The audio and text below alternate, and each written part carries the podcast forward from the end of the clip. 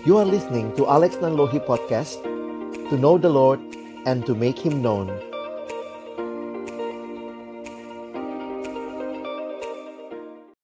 Bapa di dalam surga kami datang dalam ucapan syukur sore hari ini Karena sungguh Tuhan Engkau baik dan Engkau menyatakan kebaikan-Mu di dalam hidup kami. Kembali hari ini kami boleh bersekutu memuji memuliakan namamu Dan tiba waktunya bagi kami untuk membuka firman-Mu kami mohon ya Tuhan ketika kami membuka firman-Mu, bukalah juga hati kami. Jadikanlah hati kami seperti tanah yang baik. Supaya ketika benih firman Tuhan ditaburkan, boleh sungguh-sungguh berakar, bertumbuh, dan juga berbuah nyata di dalam kehidupan kami. Berkati baik hambamu yang menyampaikan, dan setiap kami yang mendengar, Tuhan tolonglah kami semua agar kami bukan hanya menjadi pendengar-pendengar firman yang setia, tapi mampukan dengan kuasa dari rohmu yang kudus, kami dimampukan menjadi pelaku-pelaku firman-Mu di dalam kehidupan kami, di dalam masa muda kami. Bersabdalah ya Tuhan, kami anak-anakmu sedia mendengarnya. Di dalam satu nama yang kudus, nama yang berkuasa, nama Tuhan kami Yesus Kristus, kami menyerahkan pemberitaan firman-Mu. Amin. Shalom bagi kita semua, kita bersyukur kesempatan ini Tuhan berikan bagi kita untuk bersama-sama masuk dalam pembinaan yang pertama ya hari ini. Saya share screen untuk slide saya, teman-teman bisa ikuti di screen kalian. Jadi saya berharap um, kalian sih tolong pin nama saya sehingga kalian bisa melihat presentasi yang saya siapkan untuk pembinaan kita hari ini. Teman-teman, waktu kita bicara visi, saya pikir ini jadi unik ya karena ternyata bukan cuma kekristenan yang bicara visi, bahkan organisasi-organisasi dunia yang sekuler pun bicara tentang visi. Bahkan kemudian kalau ada visi maka ada misinya. Jadi kemudian dikatakan semua yang jelas harus juga jelas visi dan misinya. Nah, lalu bagaimana kita mengerti ketika kita bicara tentang visi misi di dalam pelayanan? Secara khusus di dalam pelayanan mahasiswa, ya. Nah, saya ingin mengajak kita untuk melihat bersama betapa pentingnya visi ini karena ketika kita mungkin menjalani pelayanan, ada saat-saatnya kita mengalami mungkin kelelahan, ada saatnya mungkin kita merasa jenuh, ada saatnya kita mau mundur bagi teman-teman yang sudah pernah terlibat dalam pelayanan atau sedang terlibat. Mungkin itu pengalaman yang kamu juga pernah rasakan, sehingga Kembali lagi, visi itu akan mengingatkan kita, menolong kita, mengobarkan hati kita untuk tetap melakukan apa yang menjadi pelayanan yang Tuhan percayakan bagi kita. Karena itu di dalam banyak pembinaan-pembinaan berkaitan dengan pelayan Tuhan, untuk kalian mungkin untuk bergumul jadi pengurus, bergumul jadi panitia-panitia yang ada dalam pelayanan di di PMK Stan, Mari sama-sama kita melihat ini sesi penting untuk kita sama-sama hayati tentang visi. Makanya biasanya ini menjadi sesi awal di banyak pembinaan pelayan ya. Jadi, mari sama-sama kita akan melihat bagaimana firman Tuhan menolong kita juga memahami tentang visi pelayanan ya. Secara umum, kita akan melihat dalam teladan yang Tuhan Yesus sampaikan. Kita akan membaca dalam Matius pasal 9 ayat 35 sampai ayat yang ke-38 ya. Jadi abang coba bagikan ini buat kita. Nanti kalau ada waktu di belakang kita boleh tanya jawab tapi kita perhatikan lebih dulu Matius pasal 9 ayat 35 sampai 38. Saya sudah tuliskan ayatnya ada di layar, kita akan membacanya bersama-sama. Saya harap walaupun kalian dengan mic yang di-mute tetap bisa baca dengan bersuara ya di tempatmu masing-masing. Saya akan bacakan dan kalian juga silakan mengikuti. Demikianlah Yesus berkeliling ke semua kota dan desa. Ia mengajar dalam rumah-rumah ibadat dan memberitakan Injil Kerajaan Sorga, serta melenyapkan segala penyakit dan kelemahan. Melihat orang banyak itu, tergeraklah hati Yesus oleh belas kasihan kepada mereka, karena mereka lelah dan terlantar seperti domba yang tidak bergembala. Maka katanya kepada murid-muridnya, Tuayan memang banyak, tetapi pekerja sedikit. Karena itu, mintalah kepada Tuhan yang empunya tuayan, supaya ia mengirimkan pekerja-pekerja untuk tuayan itu. Nah, teman-teman, menarik sekali memperhatikan apa yang disampaikan di dalam bagian ini. Kalau kita melihat bagaimana Tuhan Yesus dalam pelayanannya, Matius mencatat apa yang terjadi dalam pelayanan Yesus dan ada satu istilah yang menarik sebenarnya yang membingkai Injil Matius. Kalau kalian melihat belajar Injil Matius, salah satu istilah utama seperti yang ada di dalam ayat 35 adalah istilah kerajaan sorga. Memang karena Injil Matius ditulis untuk orang-orang Yahudi, Orang Yahudi terlalu kudus menyebut nama Allah sehingga digunakanlah bukan Injil Kerajaan Allah tapi Injil Kerajaan Sorga. Tetapi secara terminologi itu sama. Kerajaan Allah, Kerajaan Sorga, makanya di Injil lain dipakai istilah Kerajaan Allah. Di dalam Injil Matius 33 kali muncul istilah Kerajaan Sorga. Jadi ini istilah yang karena sekali lagi orang Yahudi penerima Injil Matius terlalu kudus ngomong Allah sehingga dipakailah istilah kerajaan sorga. Nah, tapi teman-teman apa yang menarik kalau kita memperhatikan sebenarnya dalam cerita besarnya Allah. Ini adalah sebuah cerita kerajaan.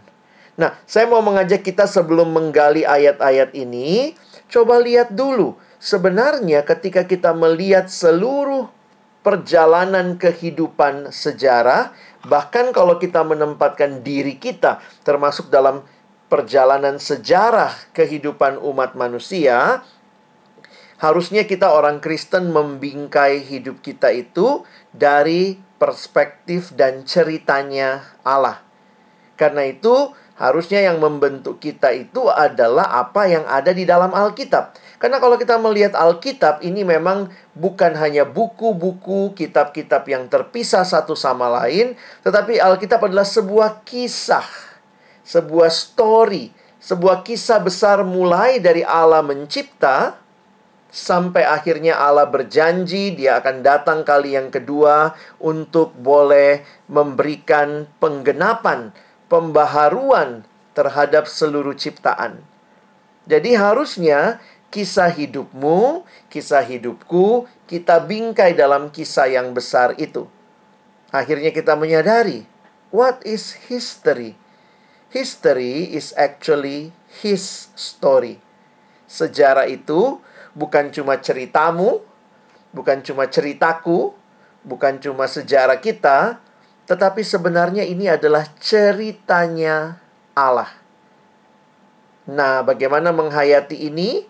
Saya pikir termasuk kamu harus membingkai, kamu studi di STAN, kamu nanti lulus, kamu nanti bekerja. Pertanyaannya, whose story are you living in? Ceritanya siapa yang sedang kamu hidupi, yang sedang kamu jalani? Menarik sekali kita bisa bilang, ya ini cerita saya bang, no, saya yang kuliah kok. Tetapi waktu kita mencoba melihatnya dalam perspektif kisah besar Alkitab, nah kita bisa melihatnya saya senang dengan istilah ini the big story of the Bible.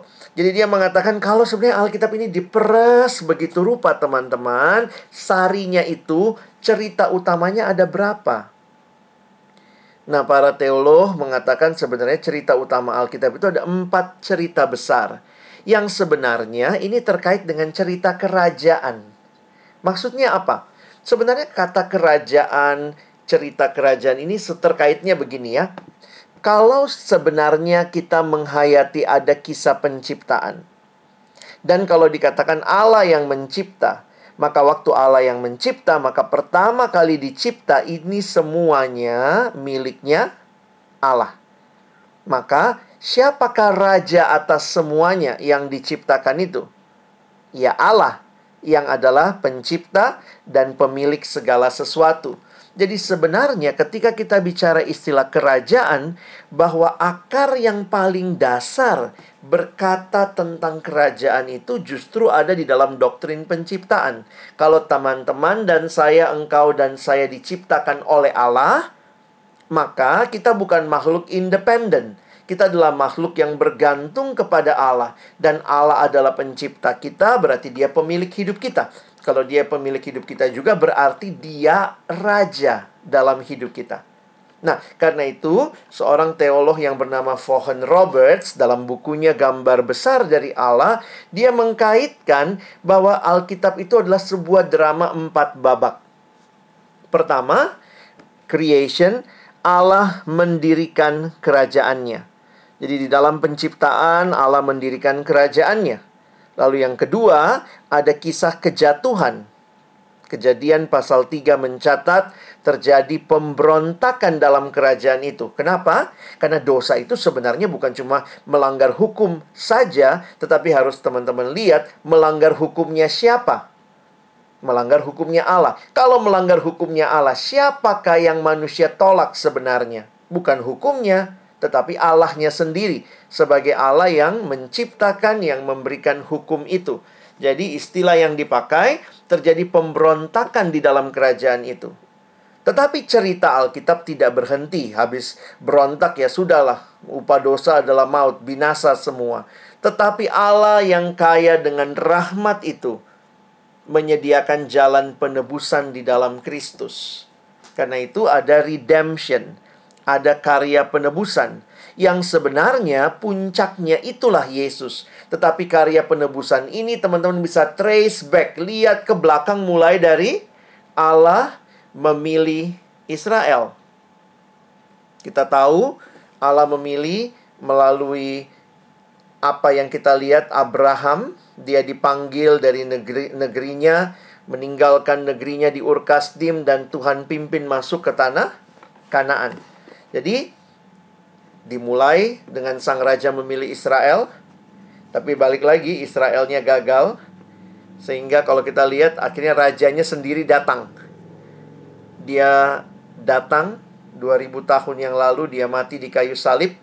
Dia memberikan kepada kita pengampunan dosa, kehidupan yang kekal, tapi kemudian rajanya balik lagi ke surga gitu ya. Nah, dan dia berjanji akan datang kali yang kedua. Nah, kita yang ditinggalkan, kita diharapkan untuk memperluas kerajaan itu. Pergi, jadikanlah semua bangsa muridku. Dan babak yang terakhir adalah glorification. Ada pembaharuan akhir atau ada juga yang menggunakan istilah consummation. Nah, ini adalah kisah keempat yang masih kita tunggu, yang kita yakini bahwa sang raja akan datang kembali. Jadi indah sekali memperhatikan Alkitab itu adalah sebuah drama empat babak. Yang di dalamnya teman-teman bisa melihat bagaimana ini sebenarnya bukan ceritamu, bukan ceritaku. Ini ceritanya Allah. Nah, menarik sekali seorang teolog lain bernama Christopher Wright dalam bukunya Misi Umat Allah, Bapak Christopher Wright mencoba melihat kisah ini lebih detail. Nah, kalau ini dibaginya empat babak, maka dia perluas. Dia mengatakan Alkitab adalah cerita enam babak. Maksudnya, dia mau menolong kita memahami supaya kelihatan kalau dilipat dua, yang nomor satu ketemu sama nomor enam. Nomor dua ketemu uh, nanti uh, nomor tiga itu sama nomor lima begitu ya. Sebenarnya ada tujuh babak ya. Yang terakhir dia katakan ada tujuh babak karena dia menggambarkan ada pembaharuan ada pembenaran yang terjadi juga. Nah sehingga perhatikan kisahnya pertama nah ini menarik ya garisnya ke bawah Allah mencipta. Lalu terjadi pemberontakan tadi Lalu Allah memberikan janji, promise. Nah, itu sebenarnya masuk redemption kalau yang tadi ya.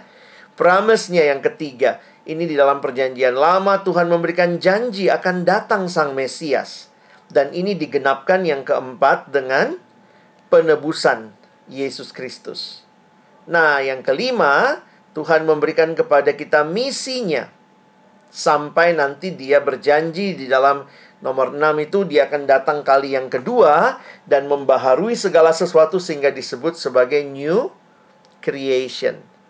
Nah, kalau kita lihat nomor 1, 2, 3, 4, 5, 6 sekarang ini kita sedang hidup di nomor berapa, teman-teman? Coba kalian lihat, kamu dan saya kita hidup di nomor berapa nih? Nah, kita hidup di nomor 5. So, dari pemahaman ini, teman-teman bisa lihat ya, bahwa kita sedang hidup di dalam misi. Misinya siapa? Misinya Allah. Sehingga kalau kita mengerti kisah hidup kita, then you will understand we are on a mission. Teman-teman dan saya tidak sedang menjalani kisah kita sendiri, tetapi ini kisahnya Allah. Jadi kalau saya mau bahasakan dengan bahasa yang lebih mudah, begini. Seharusnya cara kita melihat hidup kita bukannya ini kisah saya. Jadi ini cara lihat ya. Bukannya ini kisahku lalu saya minta Tuhan terlibat dalam terlibatlah dalam kisahku. No. Alkitab sebenarnya menyatakan kepada kita ini kisahnya Allah. Lalu Allah yang mengundang engkau dan saya masuk di dalam kisahnya. Bisa dipahami ya? Jadi ini bukan kisah kita, ini kisahnya Allah. Sehingga ketika engkau dan saya yang sudah ditebus oleh Kristus menjalani hari-hari hidupmu, pertanyaan utama yang harusnya engkau dan saya tanyakan adalah, Tuhan, apa yang kau mau dengan hidupku? Karena aku sedang menjalani bukan kisahku semata-mata, tapi ini adalah kisahmu. Nah, kalau kita bisa mengerti hidup kita dalam konteks besar seperti itu, saya pikir di sinilah kita bicara tema kita hari ini. Kalau kita bicara visi pelayanan, maka teman-teman pun harusnya menempatkannya di dalam kisah besar ini. Bahwa bagaimana di dalam Allah menghadirkan kita dalam dunia, dia punya misi yang di dalamnya teman-teman dan saya dilibatkan. Jangan terlalu sombong. Kadang-kadang kita pikir, wah saya yang jadi pengurus, wah saya memberi diri kepada Tuhan. Tapi sebenarnya Tuhanlah yang sedang melibatkan kita dalam karya misinya yang agung. Nah, karena itu, kalau kalian perhatikan, menarik sekali Tuhan Yesus memberikan teladan melalui bacaan kita tadi. Setelah kamu ngerti gambar besarnya, saya mau sedikit masuk kepada apa yang Tuhan Yesus teladankan. Nah, teman-teman bisa lihat teladan Yesus di dalam ayat-ayat yang kita baca tadi. Ada threefold mission of Jesus. Kita nanti belajar Jesus compassion. Dan juga seruan untuk berdoa yang Yesus sampaikan. Nah, mari kita coba melihat ayat-ayat tadi. Sekali lagi, kita coba pelajari ya. Nah, jadi begini. Kalau teman-teman perhatikan ayat 35, di situ dituliskan, demikianlah Yesus berkeliling ke semua kota dan desa. Nah, di sebelah kanan ini, ini adalah peta Israel pada zaman Tuhan Yesus. Teman-teman saya agak tergelitik waktu membaca ini pertama kali. Loh, Yesus pergi ke semua kota dan desa. Tentu ini uh, apa ya? Tentu mungkin digambarkannya uh, betapa luasnya jangkauan pelayanan Yesus dan menarik sekali kalau kalian lihat ini daerah Palestina ya. Yesus dari Galilea, lihat Galilea itu di atas. Lalu Yudea itu di bawah dan kalau kita ingat waktu Yesus pelayanan kan dia bolak-balik tuh Galilea, Yudea, Galilea, Samaria, dia dia lewat Samaria. Nah, bagi saya ini jadi menarik nih.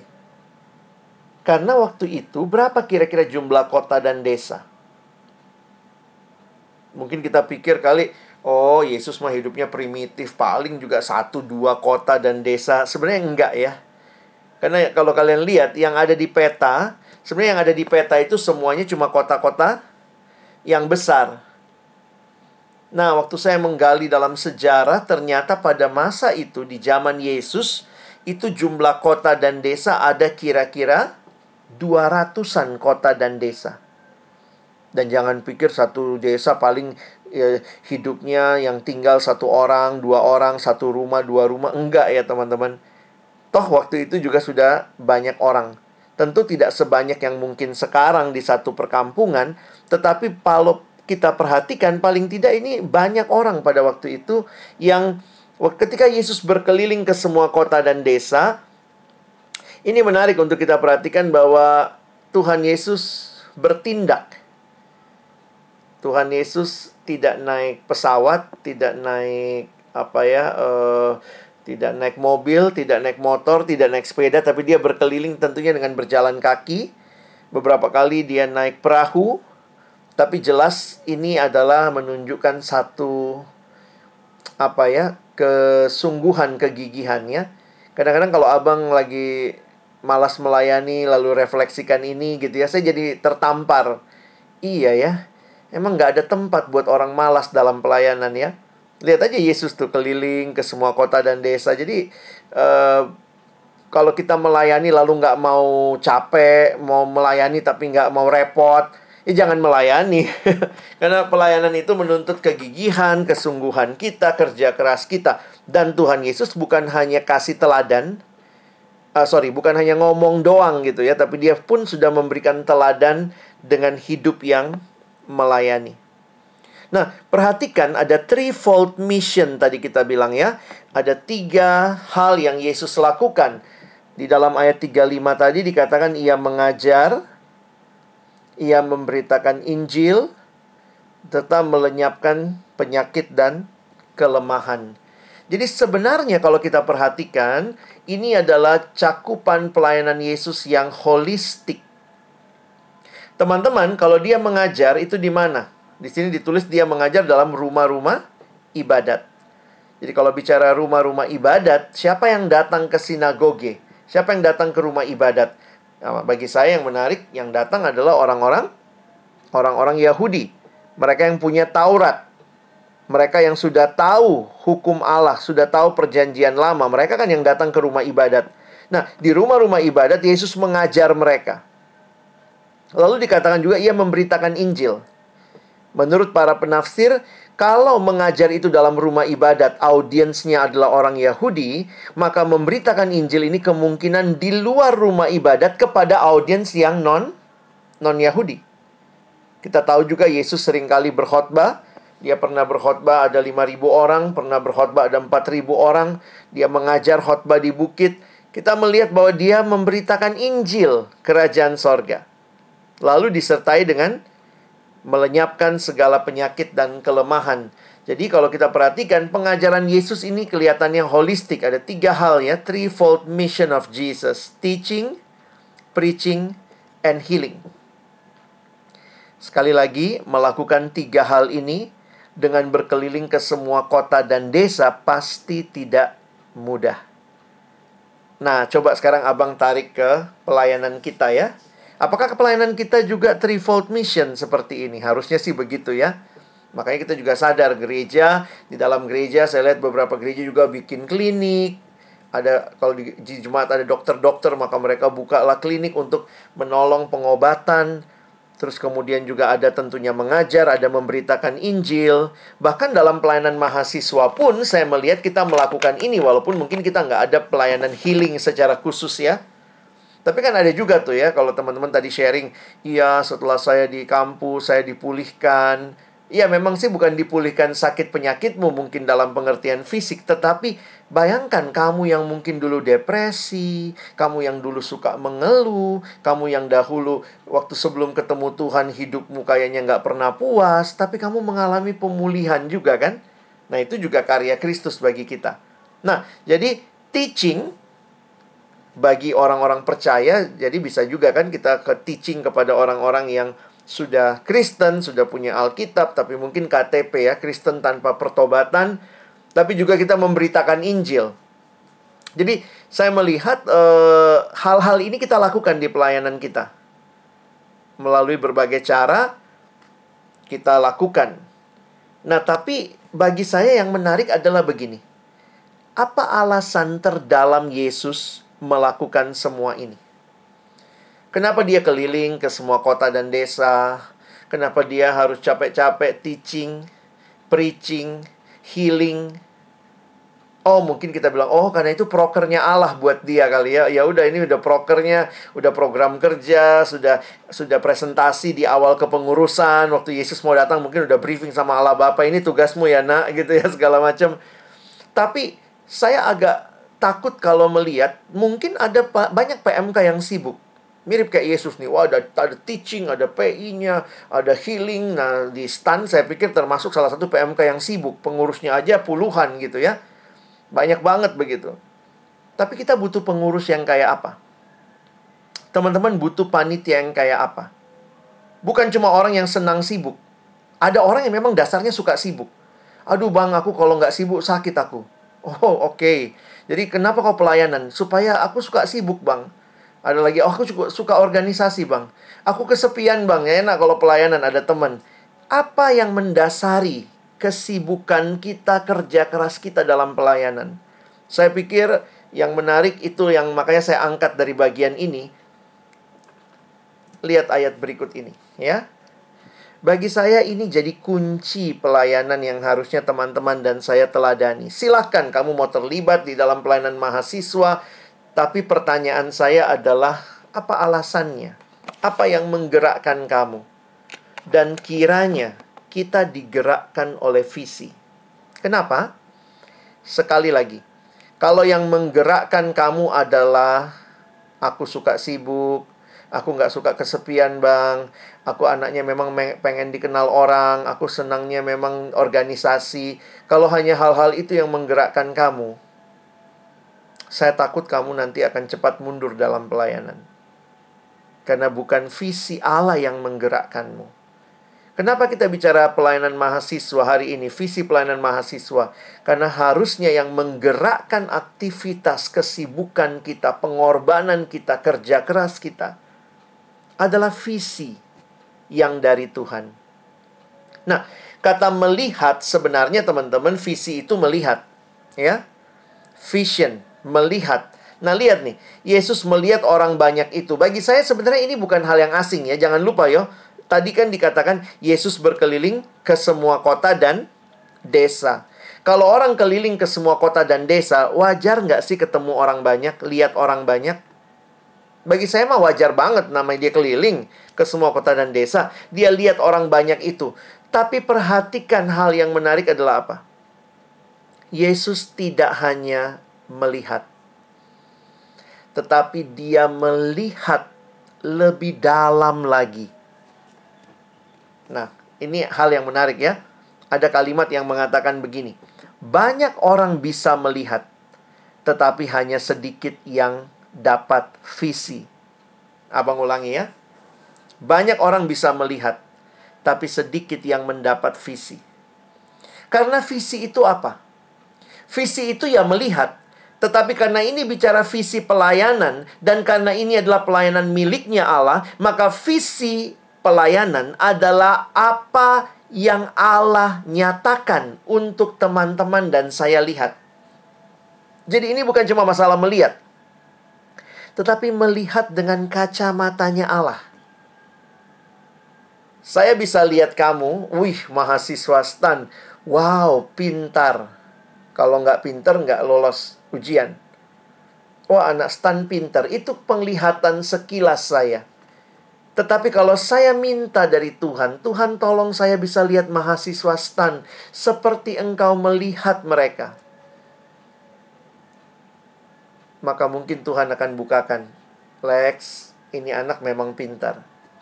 Tapi kalau dia tidak kenal aku, dia binasa. Itu visi. Semua bisa melihat, tetapi tidak semua bisa dapat visi. Saya ulangi.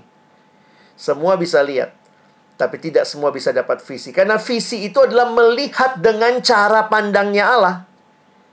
Makanya dalam sebuah definisi visi yang saya suka, itu ditulis oleh George Barna. Dia mengatakan visi itu adalah gambaran, sebuah gambaran masa depan yang sangat jelas. Yang Allah komunikasikan. Jadi beda ya. Kalau dunia selalu bicara visi, apa yang saya lihat. Tetapi visi pelayanan, apa yang Allah mau kita lihat. Itu visi. Sesuatu yang sangat jelas, yang Allah yang komunikasikan kepada para pemimpin pelayannya berdasarkan pengenalan yang akurat tentang Allah. Nah ini menarik ya. Visi itu berdasarkan pengenalan yang akurat tentang Allah, diri sendiri, dan lingkungan. Kalau organisasi dunia bisa punya visi berdasarkan riset. Habis dia riset, wah perusahaan kita rugi nih. Maka dia punya visi. Tiga tahun ke depan kita harus tutup defisit kita. Bahkan kita udah bisa berproduksi, kita bisa ekspor, kita bisa dapat uang banyak. Itu visi. Tapi visinya manusia hanya melihat kepada diri sendiri dan kepada lingkungan. Tapi di sini visi kita karena bicara pelayanan adalah visi yang terkait dengan Allah. Karena itu, nah ini konsekuensi logisnya. Kalau engkau dan saya mau melayani, mau dapat visinya Allah, kita harus bergaul akrab sama Allah. Gimana bisa kita bilang saya melayani dengan visinya Allah padahal kita sendiri nggak punya relasi dengan Allah? Karena hanya mereka yang punya relasi dengan Allah lah yang dimampukan melihat seperti Allah mau mereka lihat. Bisa dipahami? Man of vision adalah man yang juga punya relationship with God. Man and woman of vision are those who have a deep relationship with God. Gak mungkin, jangan mimpi kita dapat visi Allah. Padahal kita nggak pernah punya relasi dengan Allah. Tapi kalau kita punya relasi dengan Allah, maka kita akan mengalami. Bukan cuma melihat. Tapi Tuhan tolong kita lihat. Lihat Alex lebih dalam lagi. Lihat mereka. Jangan cuma lihat mereka orang pintar. Dunia pun bisa lihat mereka orang pintar. Tapi lihat lebih dalam. Ada sesuatu yang terjadi. Nah, waktu itu Yesus kan berjalan dari semua kota dan desa ya. Bayangkan dia keliling semua kota dan desa, dia lihat banyak orang. Jangan lupa loh, bukan cuma Yesus yang jalan keliling semua kota dan desa. Tadi dikasih tahu siapa? Ada murid-muridnya juga kan? Jadi sebenarnya yang melihat siapa aja yang melihat? Pasti Petrus ikut ngeliat.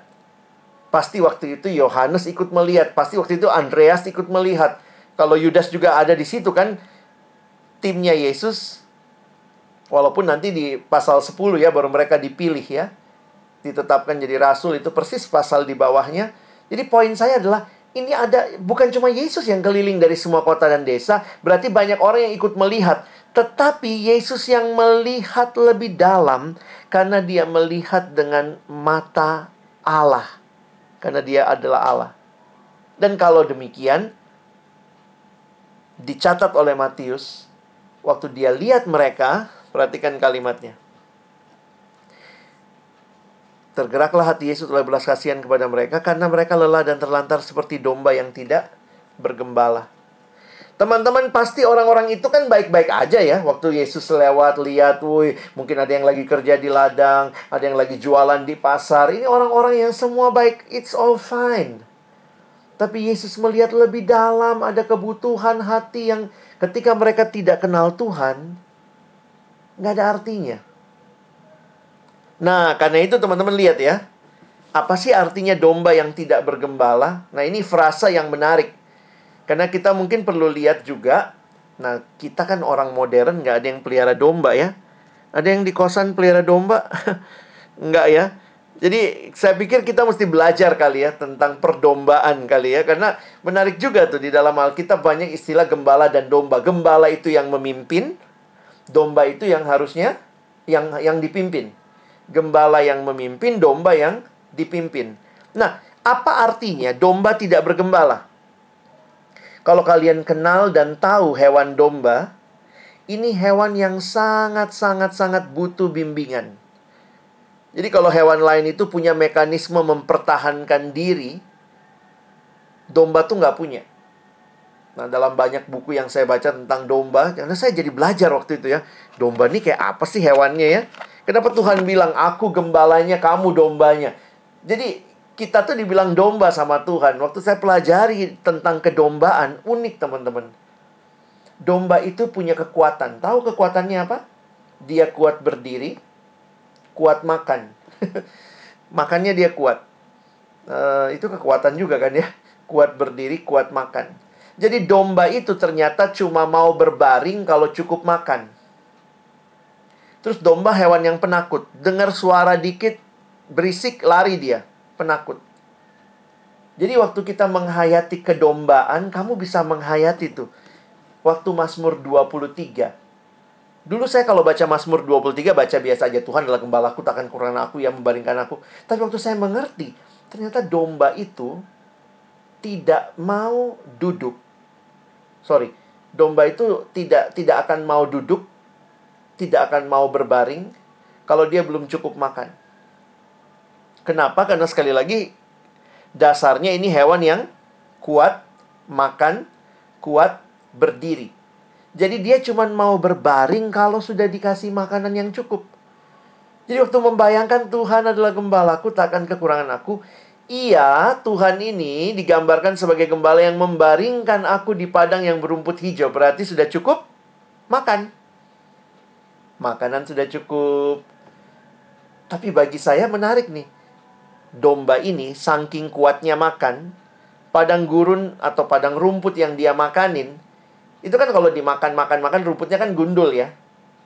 Makanya tuh gembala tuh mesti nemenin lagi domba, cari lagi padang rumput baru karena ini udah gundul di sini nih. Jadi karena dia makannya banyak, udah gundul, pindah lagi. Makan lagi banyak, gundul lagi, pindah lagi. Sampai mungkin dia bisa balik ke padang yang sama setelah satu bulan. Karena rumputnya sudah mulai tumbuh lagi. Can you imagine? Gambarannya apa? Ia membaringkan aku di padang yang berumput hijau. Wow. Ini berarti bahwa ketika domba-domba yang kuat makan itu, mereka tidak dibaringkan di padang botak yang sudah habis rumputnya, tapi padang yang bahkan ketika mereka bangun mau makan lagi, ini padang rumput yang menyediakan bagi mereka. Wow, waktu mempelajari kedombaan ini unik ya. Saya jadi banyak menghayati, iya ya Tuhan, inilah saya. Saya nggak bisa hidup tanpamu hewan yang punya mekanisme mempertahankan diri banyak, kecuali domba. Contoh ya, kalau kamu lihat semut aja kecil-kecil gitu, kalau diapa-apain, dia gigit. Anjing, gonggong, gigit juga. Kucing, nyakar, kadang gigit juga. Domba, apa mekanisme mempertahankan dirinya? Ular, ada bisanya, dipatok. Landak, ada durinya. Domba, ya ampun nih hewan. Teman-teman lihat, saya ambil satu ayat ya. Satu bagian firman di 1 Samuel 17. Jadi waktu itu, kalau kalian masih ingat kan orang Filistin datang mengolok-olok orang Israel lalu nggak ada yang berani maju. Tiba-tiba Daud maju lalu dia bilang, saya berani maju. Lalu dia ketemu sama Saul kan. Nah lihat ayatnya. Tetapi Saul berkata kepada Daud, "Tidak mungkin engkau dapat menghadapi orang Filistin itu untuk melawan dia, sebab engkau masih muda. Sedang dia, maksudnya si orang Filistin ya Goliat itu, sedang dia sejak dari masa mudanya telah menjadi prajurit." Nah, perhatikan sharingnya Daud. Daud ini sharingnya bahwa dia kan gembala. Tetapi Daud berkata kepada Saul, "Hambamu ini biasa menggembalakan kambing domba ayahnya. Apabila datang singa atau beruang, yang menerkam seekor domba dari kawanannya, maka aku, siapa aku ini? Daud ya. Aku mengejarnya, menghajarnya, dan melepaskan domba itu dari mulutnya. Kemudian apabila ia, ia itu singa atau beruang ya, berdiri menyerang aku, maka aku menangkap janggutnya, lalu menghajarnya dan membunuhnya. Baik singa maupun beruang telah dihajar oleh hambamu ini, dan orang Filistin yang tidak bersunat itu ia akan sama seperti salah satu dari para binatang itu, daripada binatang itu, karena ia telah mencemooh barisan daripada Allah yang hidup. Teman-teman, kenapa Abang ngambil ayat ini? Coba lihat baik-baik. Ayat 34 35. Ketika ada hewan buas yang datang menerkam domba, dombanya ngapain? Lihat nih, semua kata kerja aktif di sini ini kata kerja yang terjadi atau yang dilakukan oleh gembala. Apabila datang singa atau beruang yang menerkam, maka aku mengejarnya. Aku menghajarnya. Aku melepaskan domba dari mulutnya. Apabila menyerang, aku menangkap janggutnya, menghajarnya, membunuhnya. Dombanya ngapain? Pasrah sempurna. Jadi teman-teman sebenarnya gini ya. Domba ini hewan yang lucu, tapi banyak musuhnya. Mungkin karena enak ya. Lalu musuhnya itu siap-siap selalu mengintai. Dan karena itu, kalau kita lihat gambaran ini, sebenarnya tidak bisa domba itu hidup sendiri tanpa gembala. Satu-satunya hewan yang selalu harus ada gembala di dekatnya adalah domba. Ya kira-kira begitulah gambarannya. Masih ingat waktu Yesus lahir, malam itu dikatakan pada waktu itu ada gembala-gembala menjaga kawanan ternaknya domba-dombanya pada waktu malam. Jadi bayangkan itu. Yang namanya gembala tuh sampai nginep sama dombanya. Karena dombanya ini banyak yang ngincer. Lalu udah banyak yang ngincer, dia pasrah lagi. Mungkin saya bayangkan kalau digigit kali ya sama om, om singa, om beruang. Mungkin dombanya cuma ngomong, Om, sakit om, gitu ya. Aduh, jangan digigit dong, gitu. Tapi dia nggak ngelawan, nggak ngapa-ngapain. Semua yang lakukan adalah gembalanya. Teman-teman, gambaran domba tak bergembala itu sebenarnya cuma satu kata. Binasa. Domba tidak bergembala itu binasa. Teman-teman, bagi saya ini sangat mengharukan hati saya ketika Yesus melihat apa yang dia lihat. Dia tidak hanya melihat pemandangan, kalau kalian keliling kota dan desa sekarang apa yang kau lakukan? Mungkin selfie kau di mana-mana, berhenti di sini, berhenti di sana. Fokus Yesus waktu keliling ke semua kota dan desa bukan pemandangan, bukan rumah kuno, bukan pemandangan yang bagus, bukan uh, apa ya? hal-hal um, yang yang atraktif secara turis attraction, bukan objek wisata. Fokus Yesus berkeliling ke semua kota dan desa adalah melihat manusianya visi itu man oriented, bukan program oriented. Visi itu pertama dan terutama adalah man oriented. Itulah yang terjadi waktu Yesus melihat semua kota dan desa. Yang dia lihat bukan kotanya, ih bagus ya, ada menara apa, yuk foto di sana. Tapi dia lihat manusia-manusianya dan dia bukan hanya lihat mereka. Tetapi dia lihat lebih dalam lagi bahwa tanpa gembala, mereka binasa. Teman-teman, ini satu hal yang menarik untuk kita perhatikan. Ketika ada orang-orang yang menangkap visi seperti ini, barulah sebenarnya kerja kerasnya itu menjadi sesuatu hal yang luar biasa. Kenapa Yesus rela keliling 200 kota dan desa? Lebih kurang 200 kota dan desa. Kenapa Yesus rela mengajar, memberitakan Injil, melenyapkan segala penyakit? Karena ayat ini mengatakan ada yang dia lihat. Dan yang dia lihat itulah yang kemudian menggerakkan hatinya dengan belas kasihan ilahi. Karena tanpa gembala mereka binasa. Teman-teman, ini gambarannya. Orang yang terima visi itu sebenarnya orang yang tahu kondisi. Dia lihat kondisi. Tapi dia tidak hanya lihat kondisi, tetapi dia diterangi karena kondisinya misalnya tanpa Kristus manusia binasa, tapi dia diterangi dengan hubungan dia dengan Tuhan melalui firman dan doa. Hanya orang yang mengerti kondisi yang diterangi oleh firman Tuhan dan doa, mereka lah yang mendapat visi. Saya cerita satu teman ketika dia bilang sama saya waktu kampusnya, ini kampusnya belum ada persekutuan. Tapi dia datang ke saya, dia bilang, "Bang, saya lihat teman-teman saya di kampus banyak yang masih nyontek." Saya sedih, Bang, lihat mereka masih nyontek, masih hidup nggak beres. Ada yang pacarannya nggak benar. Lalu satu waktu dia katanya baca Alkitab. Waktu dia baca Alkitab, tiba-tiba kayak Tuhan menerangi matanya dikasih kacamata baru. Lihat nih teman-temanmu, ini bukan cuma masalah anak muda nyontek, pacaran nggak be nggak beres, tapi Tuhan memberikan dia ayat yang mengingatkan dia. Ayatnya dari mana? Dia cuma dapat Yohanes 3:16, teman-teman. Saat teduhnya cuma Yohanes 3:16. Karena begitu besar kasih Allah kan dunia ini sehingga ia telah mengaruniakan anak yang tunggal supaya setiap orang yang percaya kepadanya tidak binasa, melainkan beroleh hidup yang kekal. Teman-teman, waktu dia dapat ayat itu, dia bilang, "Bang, saya seolah-olah melihat teman-teman saya ini bukan cuma masalahnya nyontek doang. Tapi kalau mereka nggak kenal Yesus, mereka binasa." Dan karena visi itulah dia datang dan dia minta tolong bangun persekutuan. Tolong kami membangun persekutuan di kampus kami. Anak ini dapat apa? Bagi saya dia dapat visi. Karena dia tahu kondisi kondisi teman-temannya yang dia lihat sesama mahasiswa. Dia sudah diselamatkan, dia tahu dia belum sempurna, tapi kemudian dia yang tidak sempurna itu, belum sempurna itu Tuhan berikan matanya melihat kondisi di kampusnya. Dan waktu dia lihat kondisi firman Tuhan menerangi, Tuhan kasih kacamata yang lebih dalam, lihat tanpa aku mereka binasa. Dan anak ini memperjuangkan PMK di kampusnya. Dia rela datang ke PMKJ, dia cari teman-teman dari kampus lain siapa yang bisa bantu. Ada yang nggak yang mau jadi PKK di kampusku. Dia baca buku rohani, dia bikin persekutuan perdana. Bagi saya waktu saya lihat hal seperti ini, saya bilang anak ini yang menggerakkan dia bukan bukan program. Karena belum ada proker tuh. Bukan bukan program yang menggerakkan dia.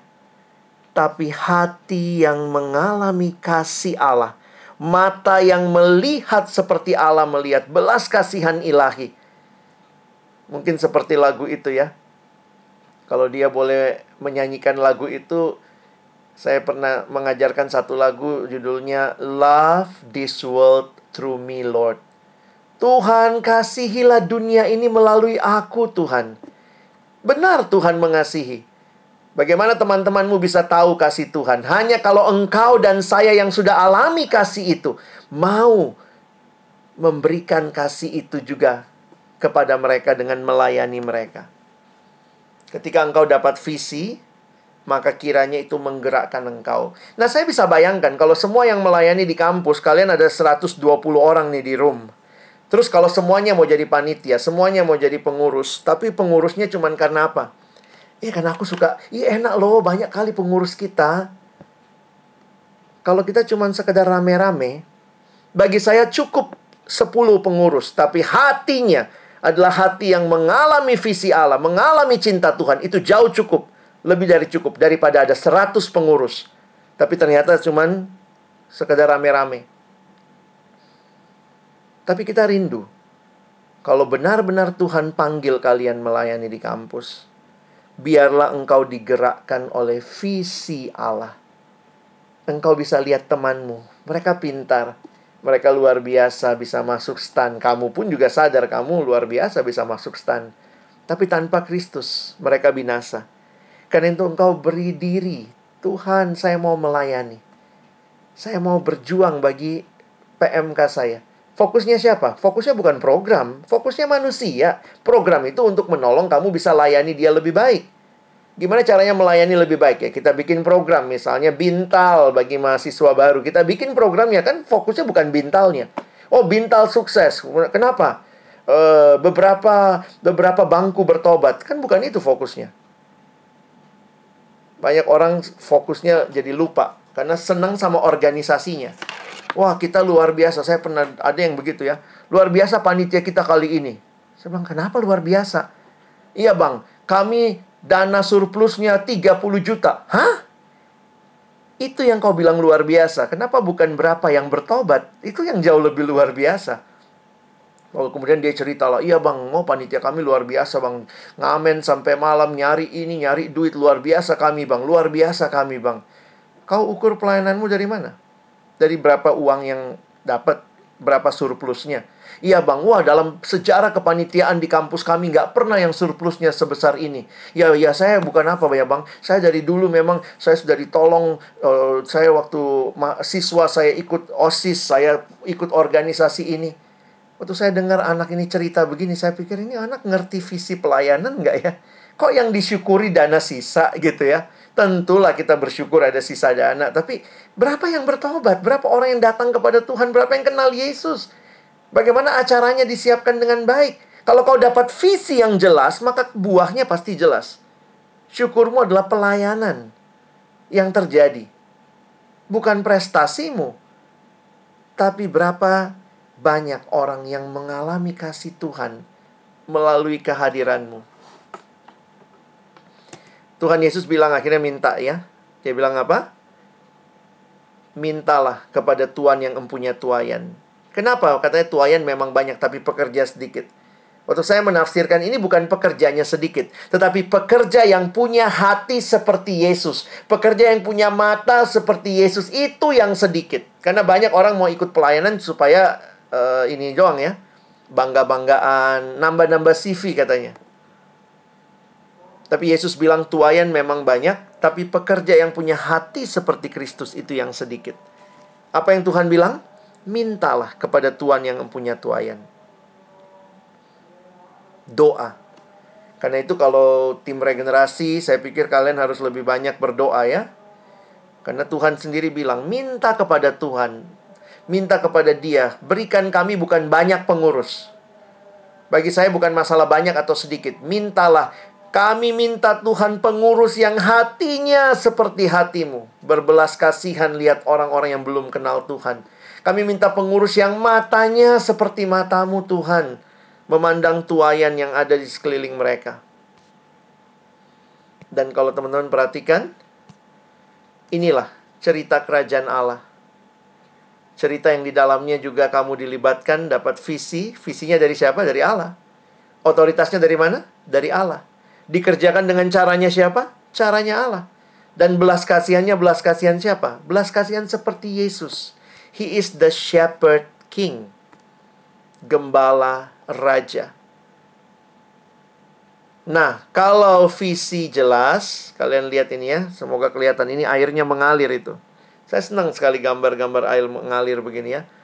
Karena dari visi yang jelas akan lahir misi yang jelas.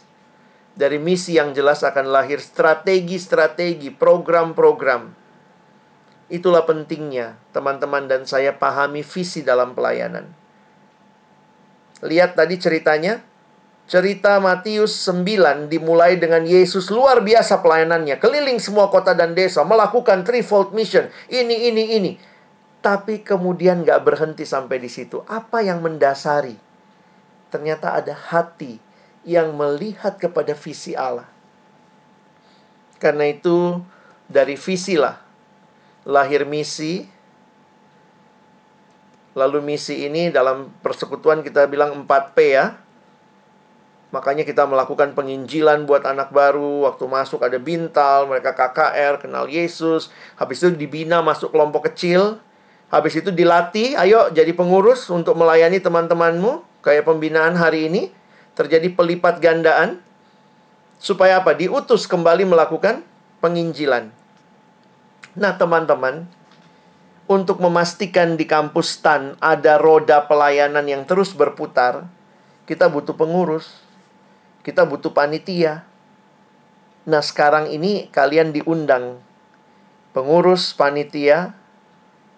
Maukah engkau melayani Tuhan, melayani teman-temanmu, adik-adik yang akan masuk waktu mereka belum kenal Tuhan, Tuhan panggil kamu untuk memperkenalkan dirinya kepada mereka.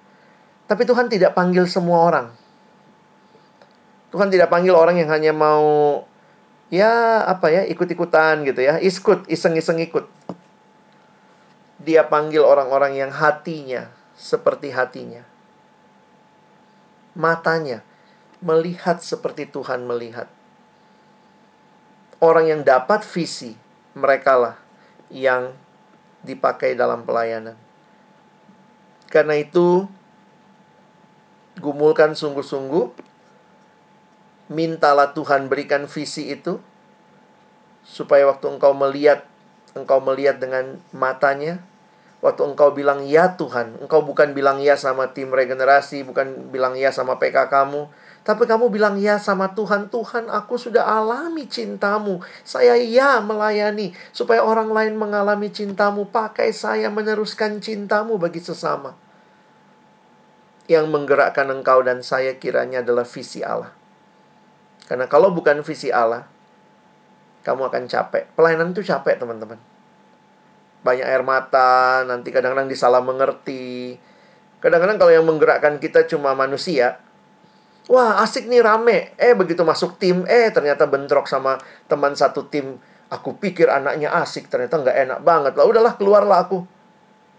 Orang gampang sekali ninggalin pelayanan kalau yang menjadi visi motivasi awalnya adalah kumpul-kumpul, senang-senang. Tapi kalau yang menggerakkan adalah visi dari Allah aduh teman teman teman satu timku ini kayaknya kurang enak satu seksiku ini kurang enak kurang bagus anaknya saya akan berdoa saya akan jalin relasi sama dia saya akan belajar kenal dia lebih lagi. Kenapa? Saya mau layani Tuhan sama-sama dia. Saya nggak akan cepat menyerah tapi kalau saya masuk supaya supaya dapat orang yang nyaman asik anak-anak yang fun begitu masuk nggak dapat itu keluarlah aku ngapain aku di situ? Tapi visi itu menolong kita bertahan. Dalam situasi sulit pun kita akan berjuang. Karena itu biarlah visi ini yang menggerakkan teman-teman untuk melayani. Gumulkan dengan sungguh di hadapan Tuhan. Abang tutup dengan lagu ini. Lagu yang setiap kali dinyanyikan menggetarkan hati saya. Ini lagu yang diambil dari Matius 9 ini sebenarnya. Minta kepada Tuhan. Minta hati seperti hati Tuhan. Minta mata seperti matanya minta tangan yang melakukan tugas kita, tangannya melakukan tugas-tugas yang dia percayakan bagi kita, dan bahkan kakinya untuk melangkah dalam rencananya. Biarlah setiap kita yang siap melayani, kita siap melayani karena visi yang dari Tuhan. Saya nyanyikan lagu ini satu kali, sesudah itu kita berdoa. Berikanku hati seperti hatimu yang penuh dengan belas kasihan.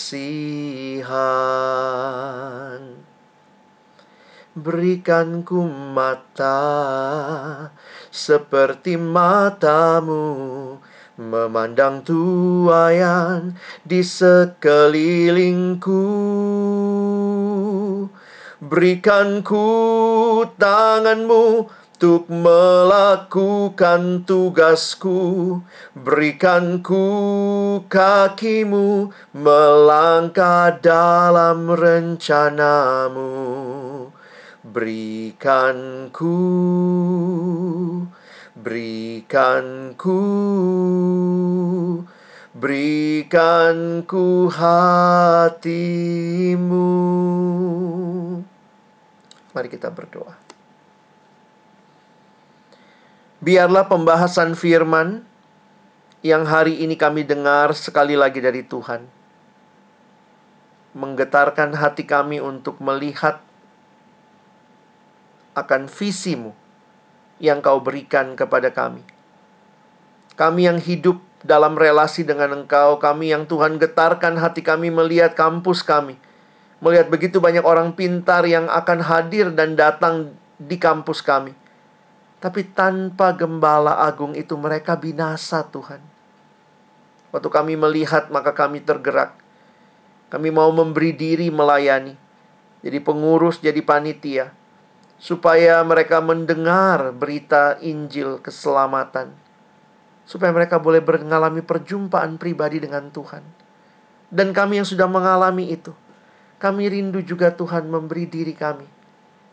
Melayani sesama biarlah sungguh apa yang kami terima hari ini di awal dari seluruh rangkaian pembinaan kami memberikan pemahaman yang dalam bahwa ini pelayanan milik Tuhan. Harusnya kami kerjakan dengan visi yang dari Tuhan, dengan mata yang tertuju kepada Tuhan. Sehingga pada akhirnya kemuliaan bukan bagi kami, tapi kemuliaan bagimu Tuhan.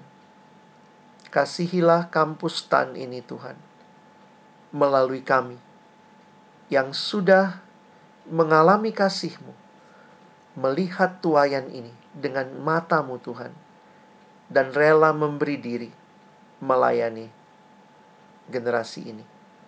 Kami sekali lagi bersyukur, berterima kasih, tolong kami bukan cuma jadi pendengar firman, mampukan kami jadi pelaku-pelaku firman-Mu. Dalam nama Yesus kami berdoa. Amin.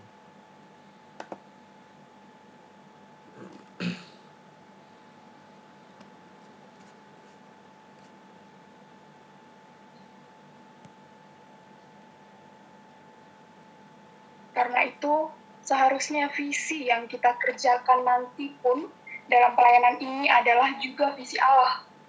Visi inilah yang harus terus-menerus kita tanyakan pada Tuhan dan harus kita pegang teguh supaya dalam perjalanan pelayanan kita, kita melihat dengan kacamata Kristus dan tidak hanya sekedar menjadikan pelayanan sebagai wadah untuk menyibukkan diri. Tuayan dalam konteks ini adalah PMK STAN, sudah menanti kita semua. Maukah kita dengan hati yang berbelas kasih memandang tuayan ini